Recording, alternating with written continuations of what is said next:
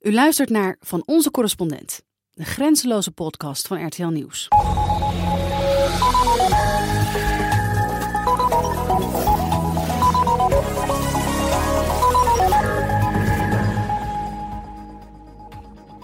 Welkom bij Van Onze Correspondent. Twee keer per maand praten de correspondenten van RTL Nieuws over de laatste actualiteiten in hun land of over iets dat het nieuws deze week juist niet heeft gehaald. Mijn naam is Stefan de Vries, ik ben correspondent in Parijs en van hieruit nemen jullie mee over de hele wereld naar de standplaatsen van onze correspondenten. En in deze eerste aflevering gaan we naar Amerika, Berlijn, Londen, Rome en Amsterdam. Attention à la marche en descendant du train. Please mind the gap between the train and the platform. Bitte beachten Sie beim Aussteigen die Lücke zwischen Zug- und Bahnsteigkante. 足元にご注意ください。 Onze Italiaanse correspondent Eveline Reepmeijer ging op zoek naar het geheim van een dorp waar meer dan 10% van alle inwoners ouder is dan 100 jaar. En ze zijn nog gezond ook. Hoe kan dat? Veel ophef in Nederland deze week over excessen bij studentenverenigingen. Bestaat ontgroenen in het buitenland ook? Dat vertellen Jeroen Akkermans en Anne Sane in Berlijn en in Londen. En wat vinden buitenlandse correspondenten in Nederland eigenlijk van het nieuws in de polder? Dat hoort u deze aflevering van de Duitse journaliste Annette Pierschol. Maar we gaan nu eerst naar. This is a Manhattan-bound 6 local train. The next stop is Hunts Point Avenue. Stand clear of the closing doors, please. New York. Ja, New York. Daar zit normaal gesproken Erik Mouthaan. Maar net voor we deze podcast opnamen, moest hij hals over kop het vliegtuig in voor breaking news. Hij is net geland. We hebben hem nu aan de lijn. Erik, waar ben je? Ja, eh, bijna in Florida, waar eh, een categorie 4 orkaan aan land komt. Ja, dat is zo groot nieuws. Daar, eh, daar moet ik heen. Want dat kan natuurlijk helemaal verkeerd af gaan lopen. Er zijn al honderd doden gevallen in Haiti. En ja, Florida het ziet er erg somber uit. Ja, levensgevaarlijk dus, maar in plaats van te vluchten, ga jij erop af. Ja, iedereen, 2 miljoen mensen is verteld, je moet er weg. Maar ja, dat doen journalisten dan. Wij gaan daarheen, want we willen het dan laten zien. Maar tuurlijk, weet je, we gaan natuurlijk wel zorg, zorgvuldig en veilig mogelijk eh, te werk. Dat natuurlijk wel. Je bent onderweg naar Florida, maar je bent er nog niet. Waar ben je wel? Ja, in, in- eh, de, de vliegvelden naar Florida, in Florida zijn allemaal gesloten. Dus wij vlogen op Atlanta en zijn nu ergens eh, vlak bij de grens tussen Georgia en Florida. En we hopen niet in een of andere afzetting te komen, zodat we zo snel mogelijk bij, het, bij de rampzone, zullen we maar zeggen, kunnen komen. Heb je al een keer eerder zo'n storm meegemaakt? Ja, nou nog niet een orkaankracht 4 of eh 3, afhankelijk van hoe die aan land komt. Wel een 2. En natuurlijk orkaan Sandy was de laatste grote orkaan die voor flinke schade zorgde. Toen woonde ik in, eh, eh, in, op een hoog gebouw in New York op de 36e verdieping. En toen zag ik die storm binnenkomen. Dat was vrij spectaculair. Overal ontploffende transformatorhuisjes aan de horizon en zo. Negen dagen zat mijn appartement zonder stroom en, warm, en- en verwarming. Hoe hield je dat dan vol? Had je een home trainer met een dynamo? Nee, het, het eerst een tijdje in een, in een, in een hotelletje gezeten, maar toen eh, gewoon, eh, ja, buffelen gewoon. Heel veel dekens en eh heb gegeven dat het warme water weer herstelt. Maar eh, nee, elektriciteit deed het gewoon niet. Heb je nu extra dingen ingeslagen? Gevulde koeken, flessen water?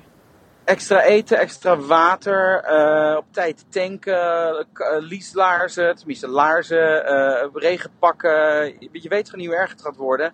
En eh, als de stroom uit gaat vallen in dat gebied, dan is er weer een heel ander probleem. Dus moet je ook inderdaad bergen, mueslirepen en koekjes bij hebben om het vol te houden een paar dagen als de winkels eh, gesloten zijn. Want ja, als er geen stroom is, kan de supermarkt ook niet open en zo. Dus het, het kan heel veel, het, het, het gewone leven kan snel ontregeld raken door zo'n storm. Maar hoe ga je dat dan doen als er geen stroom is? Hoe kan je ons dan op de hoogte houden van wat er gebeurt? Nou ja, eh, door te rijden naar een gebied waar er wel stroom is. En daar eh, de boel op te laden en dan weer eh, terug te rijden en vandaar verslag te doen. Met je telefoon opladen. En je auto heeft, eh, als je nog genoeg benzine hebt, he- kan je je auto elektriciteit opladen. Denk je dat deze storm invloed gaat hebben op het verkiezingsdebat tussen Trump en Clinton? Zullen zeker vragen over krijgen. Ehm, als het echt gigantische schade is. Ik denk wel dat het debat doorgaat. Moet wel heel extreem zijn, wil het debat afgelast worden. Want dit is juist het moment om ook aan de kandidaten te vragen: hoe ga jij om met natuurrampen? Eh, wat is jouw idee van hoe, wa- wanneer de overheid moet helpen of niet? Dus die vragen komen natuurlijk ook aan bod dan. Nu ben je onderweg naar Florida. Dat is een staat die heel vaak doorslaggevend is geweest voor de verkiezingen. Democratische en republikeinse kiezers houden elkaar in evenwicht. Kan deze orkaan invloed hebben op de uitslag? Florida is altijd een zogeheten swing state, altijd een belangrijke plek. Winnen de Democraten of winnen de Republikeinen. Uh, Obama heeft daar gewonnen de afgelopen keren, dus dat zou je zeggen ziet er gunstig uit voor Clinton. Maar in de peilingen is het best spannend op dit moment. Uh, dus uh, Florida is echt een van die plekken die beide kandidaten moeten winnen. Dus wat zij gaan zeggen, wat zij gaan doen de komende dagen na die storm, wordt heel goed bekeken in Florida. Ja, dus heel misschien bepalen de weergoden dit keer wie de volgende Amerikaanse president wordt. Hoe lang moet je nog rijden? Uh, nog uh, vijf uur. Oké, okay, nog vijf uur. Doe voorzichtig, goede reis en tot de volgende keer. Erik Mouthaan in Amerika.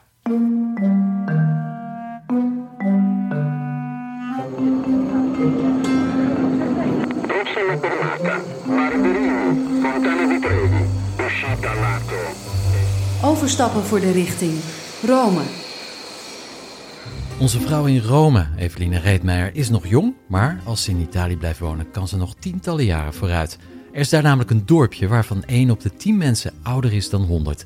En die zijn ook nog eens hartstikke gezond. Wat is hun geheim? Of het aan de rozemarijn, vers eten of gewoon aan voldoende seks ligt, wetenschappers zijn er nog niet uit. Maar één ding is wel zeker: de bewoners van het kleine Italiaanse dorpje Acciaroli worden opvallend oud. In het piepkleine dorpje in het zuiden van Italië wonen maar 700 inwoners en meer dan 70 van hun, dus maar liefst 1 op de 10, is boven de 100. Het was reden genoeg voor een groep wetenschappers om maandenlang onderzoek te doen en te kijken of ze het geheim voor een lang, een bijzonder lang leven konden achterhalen. Nou, en die zes maanden zitten er nu op. En die studie laat zien dat de mensen in het dorp zo oud worden omdat ze goede bloedwaarden hebben en een hele goede bloedsomloop. En nou ja, laten we even wat specifieker kijken. Ze vonden bij alle 80 onderzochte mensen extreem lage niveaus van adrenemoduline, een hormoon dat de aderen wijder maakt. En de niveaus waren zo laag bij de oudjes dat het eigenlijk op een niveau lag dat je normaal bij twintigers vindt. En volgens de onderzoekers was het een van de redenen waarom de mensen zo oud werden. En dat de kans op een infarct, toch een hele um, veel voorkomende doodsoorzaak uh, in, de, in onze wereld, dat die erg klein was met deze waarden. Nou, dat is dan het wetenschappelijke verhaal, maar hoe komt het dat die waarden zo laag liggen? Daarvoor is verder onderzoek nodig. Maar de verwachting is dat het komt door een gezonde portie bewegen en een gezond dieet.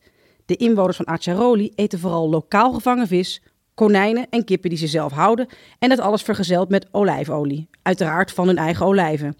En daar kunnen blijkbaar alle dieetboeken van goeroes en Instagram-foodies niet tegen op. De bewoners zelf blijven er nuchter onder. Ook al komen er nu van de hele wereld journalisten en onderzoekers om te kijken wat er toch aan de hand is in dat kleine dorpje. En ze vinden het zelf wel gezellig dat iedereen wat langer blijft leven en daardoor langer in de buurt blijft hangen. Maar ze geven ook aan dat zomaar alles eten wat er te eten valt niet in hun dieet past. Want, zoals een van de bewoners zegt... Mangio quello che serve per mangiare, non è che mangio sovrappiù. Perché c'è chi vive per mangiare e chi mangia per vivere. Io mangio per vivere. Ik eet gewoon wat ik nodig heb en ik zal mezelf nooit overeten. Ik leef niet om te eten, nee, ik eet om te leven. Niet overeten dus. En dat is nog best moeilijk met alles wat Italië te bieden heeft. Oh ja, en let op, want zelf konijnen fokken en viswangen is misschien lastig, maar deze truc kunnen we allemaal doen. Rozemarijn.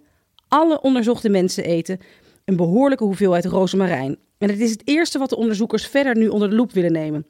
Misschien blijkt het het wondermiddel te zijn voor het eeuwige leven. Nou ja, eeuwig, een lang leven. Dat was vanuit Rome Eveline Redmeijer. Dit is Van Onze Correspondent, de grenzeloze podcast van RTL Nieuws. In Van Onze Correspondent kijken we iedere keer naar een actueel Nederlands onderwerp en we vragen ons af of dat ook in het buitenland speelt. Deze week was er ophef over hardhandige en seksistische ontgroeningen bij studentenverenigingen in Groningen en in Amsterdam. Is ontgroenen iets typisch Hollands of bestaat het ook in andere landen? Hier in Frankrijk in ieder geval is het sinds 1998 bij wet verboden. En als studenten toch doen, dan riskeren ze een boete van 7500 euro en zes maanden gevangenisstraf. Niet iedereen trekt zich daar iets van aan. Eens in de zoveel jaar komt er een schandaal naar buiten en de studenten worden dan hard aangepakt. Maar hoe staat het in Duitsland? Dat vragen we aan Jeroen Akkermans in Berlijn. Daar hebben we nu verbinding mee. Zeg, uh, Jeroen, ben jij eigenlijk ontgroend? Nee, gelukkig niet. Ik ben wel kortstondig lid geweest van de studentenvereniging. Uh, daar was overigens geen uh, ontgroeningsritueel bij gedacht. Maar ja, ik ben totaal ongeschikt voor welke vereniging dan ook. Nou, gelukkig dat RTL Nieuws ons wel wilde hebben. Uh, doen de Duitsers eigenlijk aan het groene? Nee, ze kijken wel uit. Um, dat wordt hier niet geaccepteerd om uh, uh, medestudenten in het openbaar, maar eigenlijk ook in een clubhuis te kleineren. Om hem daarmee, als het ware, voor te bereiden op het lidmaatschap van een vereniging. Dat is not done hier. Oké, okay, not done. Maar studentenverenigingen, bestaan die wel? Er bestaan zeker uh, studentenverenigingen, alleen dat zijn wat meer gezelligheidsverenigingen. Uh, mensen die elkaar opzoeken. Ja, dat zal ongetwijfeld gedronken worden. Maar het is niet zo van dat daar strenge toelatingseisen zijn en dat je bij wijze van spreken kruipend over de stoep moet lopen om te laten zien dat je een goed lid kan worden. Dus Nederlandse studenten die geen zin hebben in ontgroening moeten in Duitsland gaan studeren? Uh, ja, maar ik, ik, merk dat er ook nog steeds heel veel uh, Duitse studenten in Nederland studeren. Dus uh, ja, die komen voor wat misschien vreemde toestanden te staan waar ze niet rekening mee hadden gehouden. Kortom, omdat ze er eigenlijk nog nooit, ja, dat ze dat, die traditie hier in, Nederland, in Duitsland niet kennen. Nou, misschien kunnen we nog wat leren van de Duitsers op dit vlak.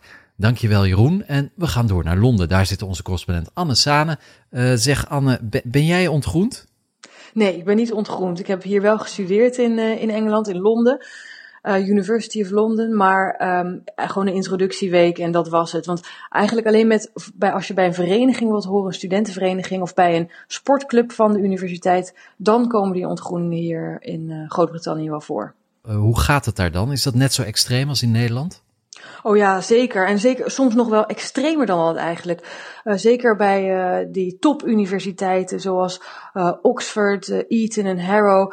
Daar heb je geheime clubs eigenlijk, geheime dining clubs zoals dat genoemd worden. Waar rijke luisjongens in op maat gemaakte pakken uh, chique diners hebben, extravagante diners. En uh, ja, daar gebeuren nog wel eens dingen achter gesloten deuren in het geheim. Dus eigenlijk, uh, die, ja, um, tenminste, daar gaan allerlei geruchten over. Zoals ook waar David Cameron bij betrokken zou zijn geweest. Die was lid van de geheime Bullingdon Club van de Oxford University.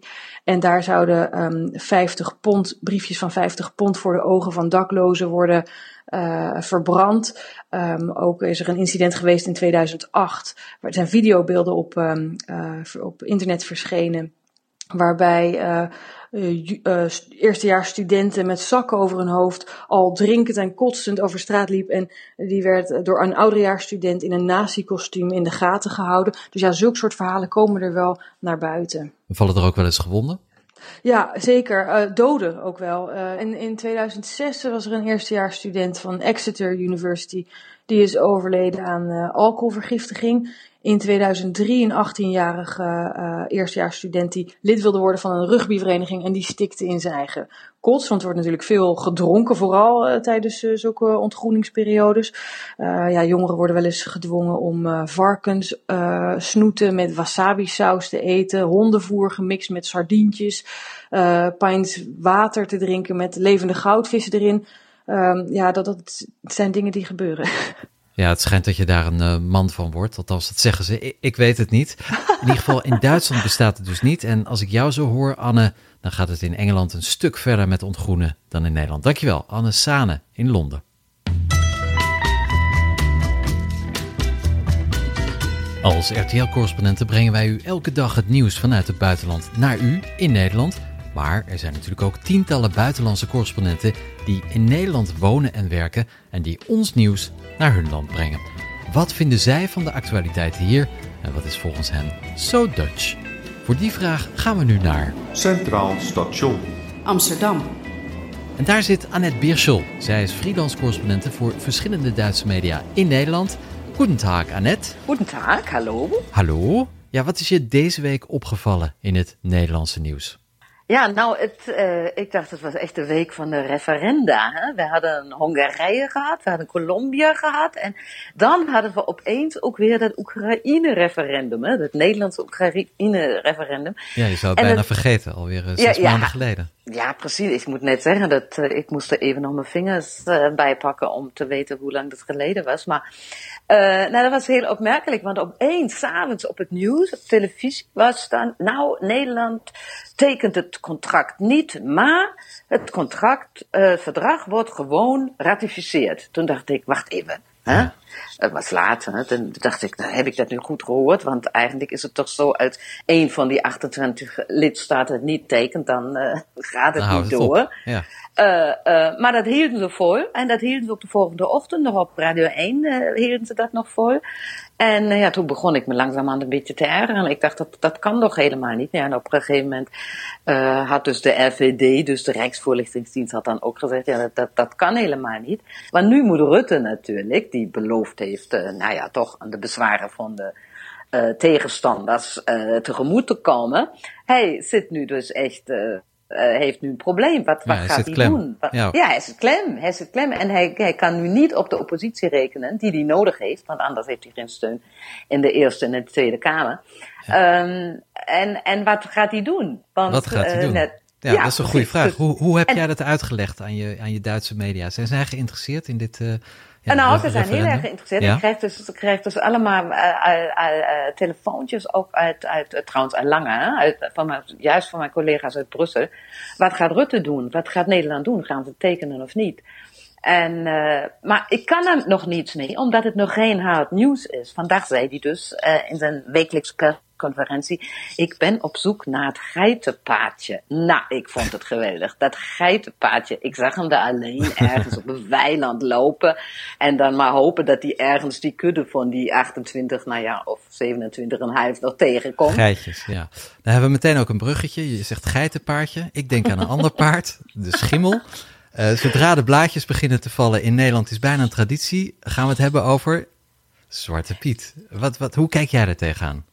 Nou, ik had het eerste gedachte was niet de schimmel, maar ik dacht aan een heel bekend Duits eh, kerstliedje, Alle Jahre Wieder. En, eh, dat, dat, en dat schrijf ik ook bijna aan elk stuk. Ik dacht, nee, nu begint het alweer. Nou, het was natuurlijk opmerkelijk in, in meerdere opzichten. Hè. Ten eerste dat het nu van de kind, kwam en zei, nou, dat is echt wel degelijk schadelijk voor kinderen als dat zo uh, uh, de zwarte piet dus zwart blijft. En uh, nou, dat vond ik opmerkelijk. Maar ten tweede wat ik dan hoor, dat ze echt serieus bedreigd werd daarvoor. Toen dacht ik, neemt Nederland het een keer serieus? Wat, wat, hoe Nederlanders reageren, dat is toch, uh, uh, wat is dat voor een soort van debat? Ik bedoel, dat, daar, daar moet je het ook een keer over hebben. En uh, wat, wat er ook uit het onderzoek naar voren kwam, was ja ook interessant, dat kinderen zeggen, die, die, die, die, dat maakt ze helemaal niet uit welke kleur die heeft.